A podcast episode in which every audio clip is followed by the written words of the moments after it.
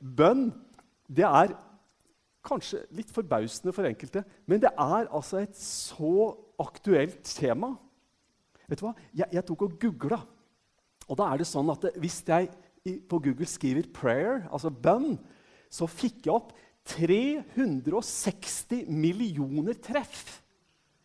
Og jeg har lest alle sammen. I hvert fall kanskje et par. Eh, 360 millioner treff. Og, og, hvis jeg går inn i den bokhandelen som jeg bruker mest, Amazon, så søkte jeg der på bønn, og vet du hva? Da er det 200 000 boktitler som har noe med bønn å gjøre, i en bokhandel. Er det mulig? 200 000 treff på Amazon for bønn. Og jeg tror det må bety at bønn er faktisk ikke bare for to eller tre spesielt interesserte. Men bønn er noe som angår Ja, vet du hva? Jeg tror det angår oss alle sammen. Og hvis du tenker på det, så, så er det veldig mange som ber. Eh, egentlig så kan vi si at buddhister ber, hinduer ber, muslimer ber, jøder ber, og kristne ber. Og jeg leste en, en undersøkelse. Forbausende mange dette her vil kanskje forbause oss alle sammen. Forbausende mange ateister ber. Selv om de sier de ikke tror på noen gud, så ber de allikevel. Og det er ikke så veldig rart. For det, det, er mange som har bedt bønner, og vi har hørt sitert bønner der folk sier, 'Kjære Gud, om du virkelig er der oppe' og Jeg tror ikke du er der. Men om du er der, så hjelp meg nå. Når vanskelighetene og, og problemene er så store, og, og, man har ikke frimodighet til å si at man tror på Gud, men allikevel så ber man, og så håper man at kanskje det er noen der oppe som, som, som hører. Og jeg tror at vi mennesker vi er, egentlig, vi er egentlig skapt for å be for å ha et fellesskap med Gud. Han har lagt noe ned i oss. Og for å sitere et fryktelig vanskelig tilgjengelig bibelvers Men Jeg har sitert noen ganger, for jeg er så glad i det verset. Og jeg vet hvorfor, men det er en annen sak. Det står 'Vanndyp kaller på vanndyp ved duren av dine fossefall'. Og som sagt, Det er et vanskelig tilgjengelig bibelvers. Men det er noe med at det er noe i oss som lengter etter Gud. Så det, det, ene jeg har sagt, er Bønn er veldig aktuelt, for det er noe som angår oss alle sammen. egentlig. Og det andre som jeg har tenkt, og som jeg har lyst til å si, det er at det er få som syns de er veldig flinke til å be. Det er veldig få. Når jeg snakker med folk jeg, jeg kan ikke komme på at jeg har møtt noen som har sagt at du, dette med bønn, det er jeg innmari god på. Det er jeg altså så god på. Det, det fikser jeg så bra. Jeg, jeg, tror ikke jeg har møtt noen sånne. Men så har jeg møtt mange som sier at de strever med bønn. Som synes det er vanskelig å be, og, og som synes at det er så trøblete. Jeg husker Og jeg satt og tenkte igjennom hvor lenge det er siden. Og tro det eller ei, det er 40 år siden dette skjedde, som jeg nå skal fortelle om. Jeg var ung predikant. Og jeg, jeg snakka med et yngre ektepar som riktignok var en del år, eldre enn meg. Men vi snakka om bønn. Og disse to, dette ekteparet kjenner jeg godt. Og de sier, 'Du som er predikant' Og det er jo litt å høre når du er 18 år. 'Du som er predikant, hva kommer det at ikke vi klarer å be sammen?' Og, og dette ekteparet de fortalte at det er ikke en ting som ikke de kan snakke sammen om. De deler liv helt og fullt, og det er ikke et tema, det er ikke et emne som er vanskelig for de å snakke med hverandre om, bortsett fra dette ene. De får ikke til å be sammen. De er, de er og var så verbale. Men, men å be sammen og, og, og, eh, mannen i dette tilfellet han, han, liksom ville ta seg sammen, for han ville så gjerne at de skulle ha et bønnefellesskap, han og kona. Og, og, og, og ville at jeg skulle hjelpe dem til det. og, sier du, vi, vi, vil prøve. Nei, ikke tale om, sier hun. Jo, jo, og så skulle vi prøve å be. Og det, altså, det, det var så Det var så det, det, var så flaut på en eller annen måte. Og så prøver han å be noen, noen, setninger. Og jeg tror jeg ba først. da. Jeg, jeg, husker ikke alt det greiene, men jeg bare husker settinga. Det funka på en eller annen måte. Det funka så dårlig. Og, og bønn, det var, det var noe som andre var flinke på, og som de fikk ikke til i det hele tatt. Og så er det noen som har de opplevelsene. Det er sikkert noen her inne som har det akkurat sånn. Og så er det noen som ikke opplever det sånn. Og så er det årsaken til det så komplisert, og jeg skjønner ikke det helt sjøl. Men for noen så er det med bønn så vanskelig. Altså, de kan være så verbale som hva som helst. Men det å ha frimodighet til å be en bønn Jeg husker en forstander som hadde som vane at han av og til bare pekte ned i salen og sa Du, kan du lede oss i bønn nå? Og ikke sant, Folka visste at det kunne komme. Og, og når man kom inn på liksom den, den delen av møtet hvor dette kunne skje, så liksom, for all del, møt ikke blikket til den predikanten. Sørg for at du kan skjule deg best mulig bak en rygg. Og vet du hva? Jeg var i hvert fall sånn. Absolutt 100 Og jeg husker hvordan et par prata sammen. Og for at hun dama i det ekteskapet skulle gå på møte, så måtte mannen love at hvis han peker på meg og sier at 'nå skal jeg stå opp og be', så skal du reise deg, og så skal du si 'kona mi ønsker ikke å være med og lede i bønn', og så skal du sette deg ned igjen. Betingelsen for at hun skulle gå på møte, var at mannen måtte love det. Og det lovte han. Men hun klarte å skygge unna, så det skjedde aldri en sånn pinlig episode.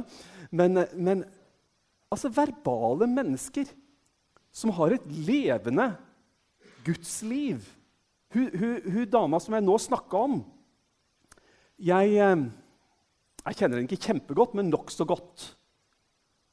Og jeg husker hvordan hun hadde vært på gudstjenester. Og hvordan tårene strømma nedover ansiktet hennes over at hun var så grepet av Gud og fylt av hans kjærlighet. Så det var ikke mangel på, på gudskjærlighet. Men det å stå og lede i bønn og alt dette, det var for henne fullstendig uaktuelt. Dere, det er mange som ikke er så flinke til å be. Men i all verden, hva slags setning er det? Hvem er det som bestemmer hvem som er flinke til å be?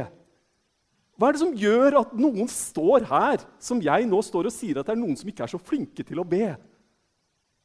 Hva slags kriterier ligger til grunn for å få en sånn dom over livet sitt hadde jeg nær sagt, at du er ikke flink til å be. Jeg får frysninger egentlig bare når jeg tenker på det. Du, jeg har et oppmuntrende ord til oss.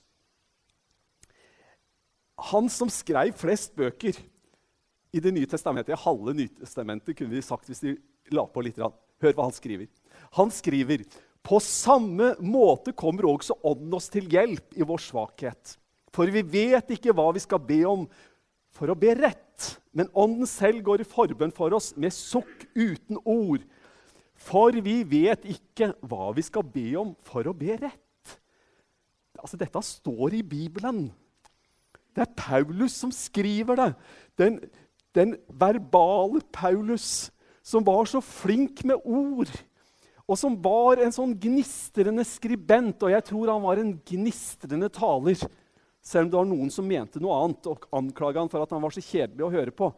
Og, og, vanskelig å forstå. Men jeg tror han var en gnistrende taler.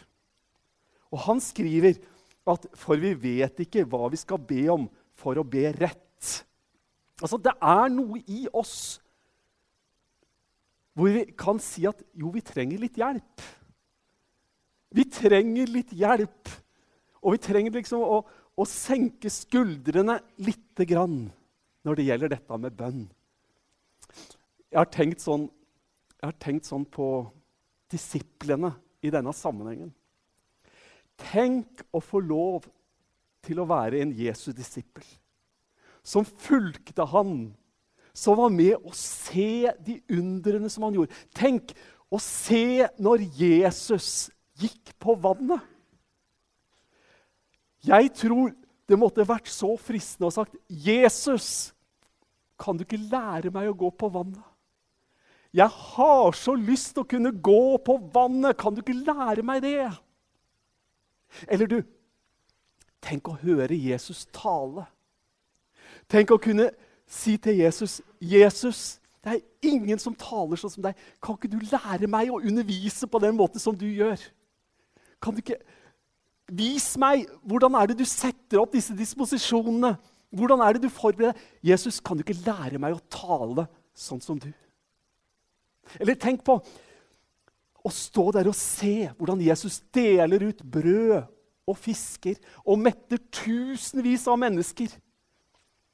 Det, det ville jo vært så naturlig å si, 'Jesus, kan du ikke lære meg det der?' Lær meg, hvordan, hvordan er det, Hva er det du sier? Hva er det du gjør? Sånn at også jeg kunne ha vært med og delt ut brød og fisk. Altså, Fø tusener på tusener av ei lita matpakke. Kan du ikke lære meg det, Jesus? Eller vann til vin, Jesus. Det vil jeg gjerne vite. Hvordan gjør jeg vann til vin? Og hvordan kan jeg gå inn i fester hvor, hvor, de mangler ting, og så kan jeg komme og være en velsignelse, og så er det en kraft? Kan du ikke vise meg hvordan du gjør det? Eller hvordan, hvordan helbreder jeg syke? Folk som er, er alvorlig syke. Jeg har sett deg gjøre det, Jesus. Vis meg hvordan du gjør det. Eller Jesus, hvordan er det du setter demonbesatte? De som er i fengsel og i lenker åndelig sett. Og så kommer du og så sier du noe, og så blir de fri. Lær meg det, Jesus. Vi kunne ha sagt som siste Lær meg å vekke opp de døde. Jeg har sett deg gjøre det, Jesus. Nå må du lære meg hvordan er det jeg vekker opp døde. Så langt jeg vet, så fins det ingen sånn bønn i Det nye testamentet hvor disiplene sier 'lær meg det', eller 'lær meg det', eller 'lær meg det'. Ikke én av alle de eksemplene jeg tok. Men derimot så står det at disiplene, etter at de hadde sett Jesus be, så kommer de og så sier de, 'Herre, lær oss å be.' Det ba de om. Er ikke det merkelig? Jeg tror at de på en måte forsto at det er noe som ligger i bånn. For alt dette store, fantastiske, mektige, ja, alt dette som er så overveldende, så er det noe som ligger der i bånden. Og det er det de så gjerne vil ha tak i. Jesus, lær oss å be. Bakgrunnen var jo at de hadde sett det. Det står sånn. En gang var han et sted og ba. Da han var ferdig, sa en av disiplene til ham, 'Herre, lær oss å be', slik Johannes lærte sine disipler å be.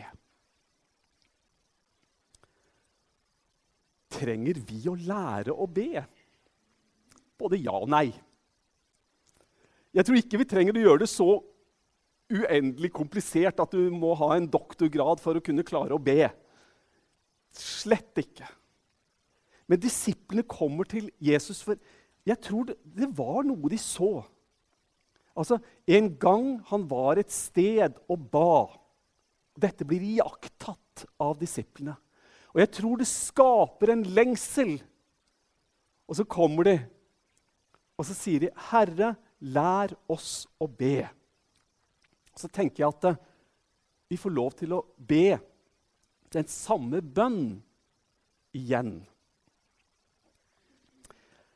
Om du kommer til meg og sier 'Helge Terje, lær meg å be', da mister jeg frimodigheten. Det er sikkert noen som har større frimodighet og større innsikt. Men, men jeg tror du og jeg kan komme til Jesus. Og jeg tror at du og jeg har en åpen dør på en måte til å komme til Han. Og vi har lov til å si til Jesus, 'Jesus, Kan du lære meg å be? Det er en bønn som jeg trenger å be. Det er en bønn som jeg tror vi alle trenger å be. Så betyr det ikke at ikke jeg tror at jeg kan lære bort noe om bønn. Jeg er like sikker på det som at du kan lære meg noe om bønn. For jeg tror faktisk at vi kan lære av hverandre, vi kan hjelpe hverandre, vi kan inspirere hverandre. Vi kan virkelig være med å hjelpe hverandre. Men, men, men, denne greia med at vi av og til tenker at det er noen personer, mennesker, som har kommet så uendelig mye lenger enn oss, det er jeg ikke så sikker på. For på en måte så er vi Guds barn alle sammen, og han har satt foran oss en åpna dør. Og vi har alle en mulighet, og vi har alle et ansvar. Og vi får lov til å komme inn i denne nærheten til Gud. Noen ganger så tenker jeg og det har jeg tenkt til dette møtet her. At jeg tror jammen jeg har lyst til å si nesten mer om hva bønn ikke er, enn hva det er. Det er ikke helt riktig, men det er ikke så langt ifra.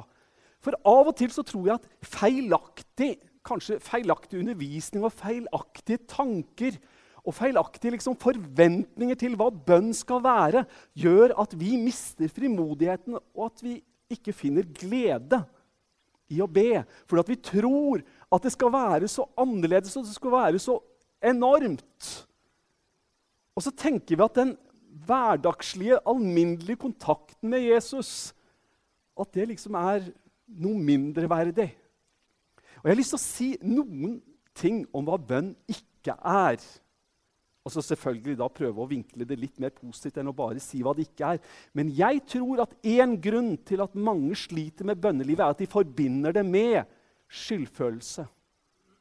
De ber ikke nok, de ber ikke helhjerta nok, de ber ikke lenge nok. De ber ikke gjennom. De syns det er kjedelig, og det er en skam. Og alt sammen blir så fort knytta til skyldfølelse. Jeg har fortalt dere om Kaja en gang. Dere husker kanskje henne. Skjønt henne er kanskje ikke riktig å si, for det var en hund. Kaja var en labrador, en svart labrador, som to gode venner av meg hadde. Og vennene var Gunn og Fred. Og Kaja hun var så glad. Som en bare, jeg vet ikke om det er riktig å si som bare en hund kan være. Men altså, når Gunn og Fred eller andre familien kom hjem, da var Kaja en propell. Hun var altså menneskekjær. Og hun var så ubeskrivelig glad, og hun sveiv rundt sin egen akse. Men en gang når de åpna opp døra, så var det ingen Kaja som møtte dem. Men de så at snuten stakk fram under et, et, eh, en sånn kommode hvor den hadde gjemt seg under. Og Gunn og Fred sa til hverandre, 'Hva har Kaja gjort gærent nå?' Og det hadde hun. Jeg husker ikke hva det var, om det var noen hun hadde rivd i stykker eller gått bananas. eller hva i all verden hun hadde gjort. Men det, hun visste at hun hadde gjort noe gærent, og hun visste at det var synlig. Og hun visste at dette var hun ansvarlig for. Og skyldfølelse prega det dyret fullstendig. Og dette er sant! dere som har husdyr eller har bikkjer, dere kjenner dere igjen tror jeg, i at uh, man reagerer sånn av og til. Det var en sånn skyldfølelse og en, en sånn ulyst mot å møte virkeligheten. Det var Kajas opplevelse når Gunn og Fred kom hjem når hun hadde dårlig samvittighet. Hvis man kan bruke ordet samvittighet om dyr. Og vet du hva? Jeg tror det er noen av oss som har det akkurat sånn når det gjelder det å komme innenfor Gud. Det er skyldfølelse. Det er alt hva vi skulle ha vært, og alt hva vi har gjort som vi ikke skulle ha gjort. Og alt dette. Bønn har ingenting med skyldfølelse å gjøre. Du trenger ikke gjøre deg fortjent til å få lov til å komme. Og du trenger ikke presentere det fullkomne. Men tenk, han har satt foran oss en åpna dør. Det er ikke skyldfølelse. Så har jeg lyst til å si en annen ting også. Det er heller ikke en slags magisk ånd. Husker dere eventyret om Aladdin og, og, og, og, oljelampa. Jeg husker ikke helt, så hvis jeg gjengir det litt feil, så får dere bære over med det. Men jeg tror det var sånn at det, hvis man pussa på denne lampa, så kommer ånden ut og er tilgjengelig og sier, 'Du, min Herre, hva kan jeg gjøre for deg?' Jeg tror det er noe sånt eventyret går. Og jeg tror at det er noen som tror at hvis man bare pusser lenge nok, og hvis man bare ber riktig, med de riktige ord og på riktig måte, så plutselig så kommer Gud. Og så sier han, 'Her er jeg, min Herre. Hva kan jeg gjøre for deg?'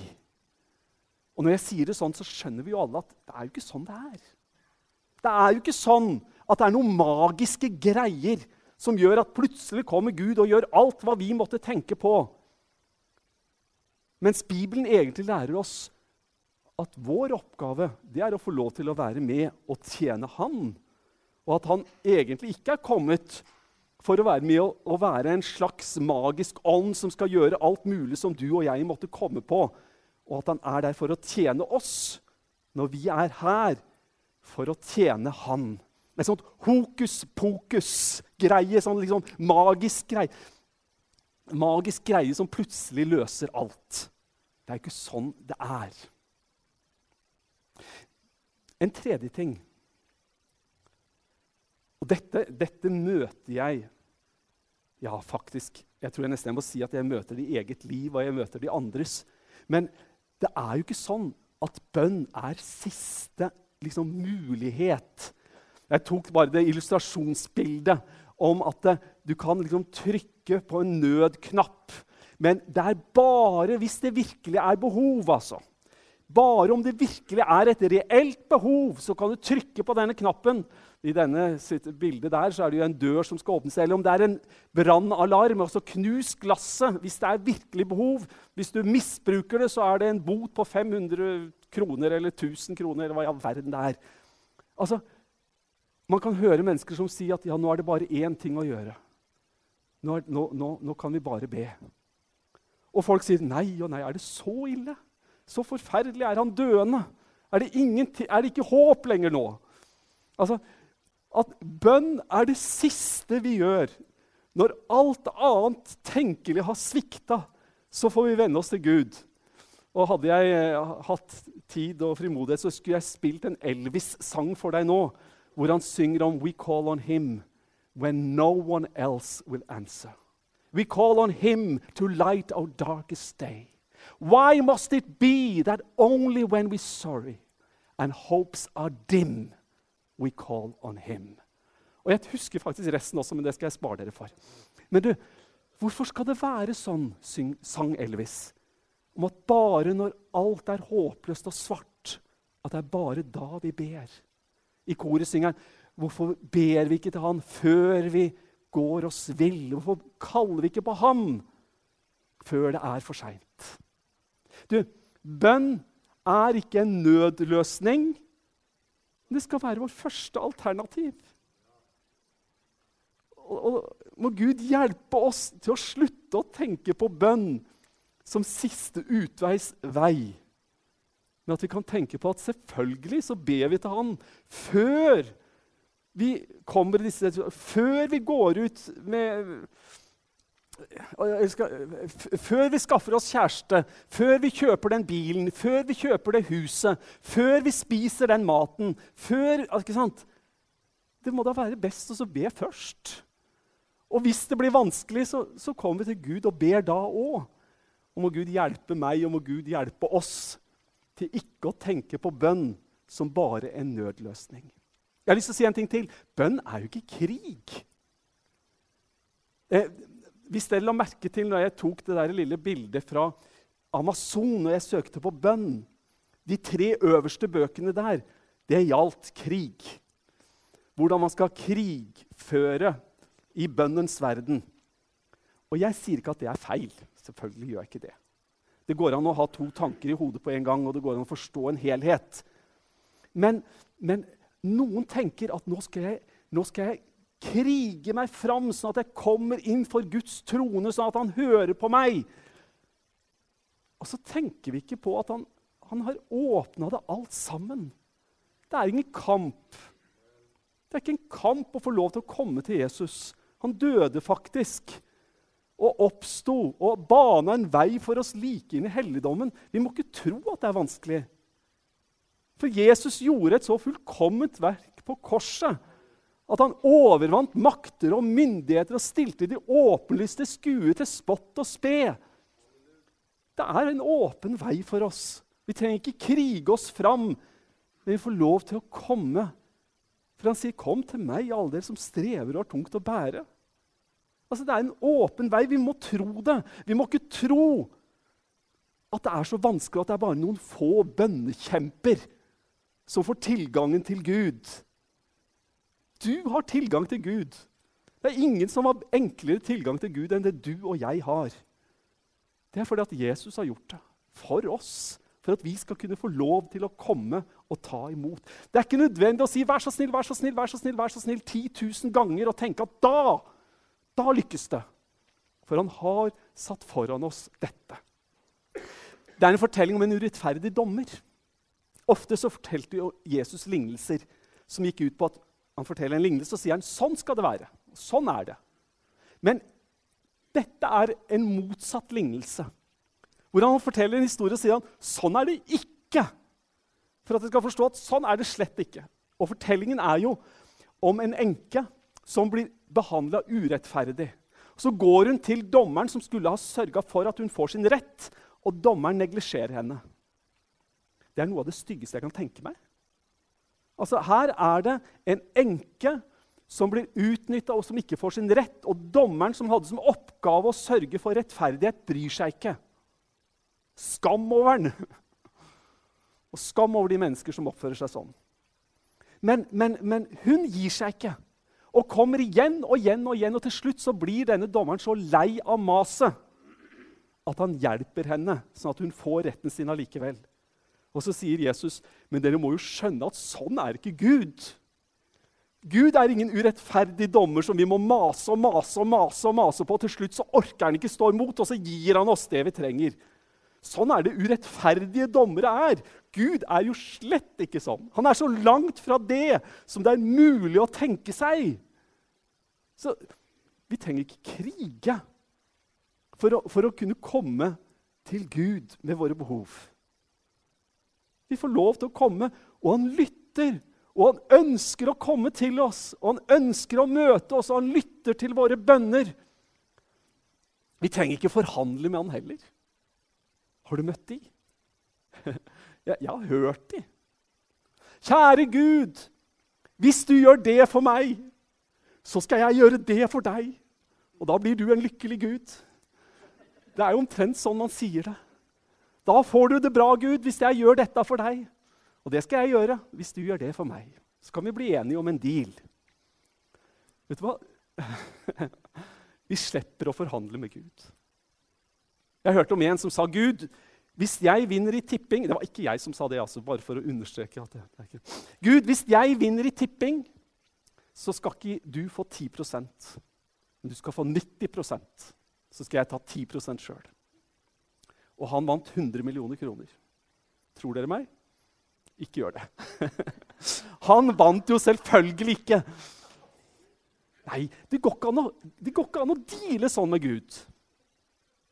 Det gjør ikke det. Gud er ikke sånn at hvis du gjør det, så gjør han det. Du, bønn det er ikke ritualer og mange ord. Ehm, det fins mange ortodokse jøder. Det er jo et bilde av en jøde som ber. Som, som ber til en levende Gud. Så jeg, jeg mener ikke å, å, å, generalisere. Men Jesus talte spesifikt til fariseerne og sa at vi skal ikke be som de. Og, og, han sier det, jeg kan sitere for deg. Når dere ber, skal dere ikke ramse opp ord slik hedningene gjør de tror de blir bønnhørt ved å bruke mange ord. Vær ikke lik dem, for dere har en far som vet hva dere trenger, før dere ber ham om det. Uh, og, og, og, Han gir andre eksempler på hvor han ikke bare henviser til, til hedningene, men, men, hvor man bruker ord. Man står i synagogene, man holder lange bønner. Man tenker at det er imponerende. Da hører Gud. Og så blir våre bønner på en måte drei, det dreier seg om oss selv. Og det dreier seg ikke om Gud, og det dreier seg ikke om Guds relasjon. Dere, når Jesus sa dette, om at ikke vi trengte å be så lange bønner, vi trenger ikke holde på i det uendelige med mange, mange ord Så fortsettelsen på det, det er jo at Jesus sier at slik skal dere be. Og så lærer han de å be Fader vår. Han lærer de å be den bønnen. Og så skal de forstå på en måte at det er en åpen dør til å henvende seg til Gud som vår åndelige far. Kjære, gode medvandrere. Vi får lov til å be til en Gud som ikke er begrensa av hvor flinke i anførselstegn du og jeg er til å be. Jeg vil sitere deg, for deg fra Efeserne 3. Og igjen, det er Paulus, den verbale Paulus, som skriver. Og han skriver Han som virker i oss med sin kraft og kan gjøre uendelig mye mer enn det vi ber om og forstår. Ham være ære i Kirken og i Kristus Jesus gjennom alle slekter og evigheter. Halleluja. Eller skjønt det står 'amen' der. Du, han Altså, han som med sin kraft kan gjøre uendelig mye mer enn det vi ber om og forstår. Det syns jeg er trøst. Han er ikke begrensa av at jeg må be akkurat riktig og for den riktige tingen og med riktige orda. Han gjør så mye, mye mer. Vet du hva? Bønn. Jeg tror at det er viktig for oss å be for at vi setter ord på ting, og det er viktig for oss sjøl og, og, og, for å konkretisere. Men jeg tror også at det er viktig at vi ber, for jeg tror Gud handler. Jeg tror faktisk det betyr noe for hva Gud gjør, at vi ber. Og, og, og da er det ikke en Gud som, som, vi liksom må prøve å overtale med å forhandle og alt dette som jeg nevnte. Men det er en Gud som går den motsatte veien. Han gjør mer enn det vi har forstand til å be om. Han, han, han gjør ikke mindre. Og han, han, sier ikke at 'nei, det er ikke godt nok'. Men han ser etter den lille formuleringa og det lille hjertespråket. Og så tar han tak i det, og så skjønner han hva som ligger bak, og så gjør han så mye mer enn det vi klarer å uttrykke. Dere, jeg tror bønn er noen fantastiske greier. Kan jeg ikke få lov til å be en bønn for deg? Eller, eller sitere en bønn? Dere, kan vi ikke stå opp og så be sammen Fader vår? Vi skal ikke avslutte nå. Vi skal dele nattverd og alt mulig fint. Men dere En felles bønn, det må være fint. Jeg, jeg husker Unnskyld, bare to sekunder. Jeg husker jeg snakka med eh, søstera til Dennis Greenwich. Jeg husker ikke hva hun heter i farta. Men hun hadde vært og undervist om bønn. Og så sa jeg til henne «Å, du underviste om bønn i dag. Og så sa hun Jeg glemmer det aldri. Så sa hun, Nei, jeg underviste ikke mye. We did it. Det var det hun sa. Hun hadde vært sammen med den bibelklassen, og hun hadde ikke undervist så mye om bønn. Men hun sa men vi ba. Og av og til er jeg trøtt av å høre om bønn. Men jeg har så lyst til å be. Jeg har så lyst til å bare være i nærheten av Gud. Nå kan vi be sammen. Skal vi gjøre det?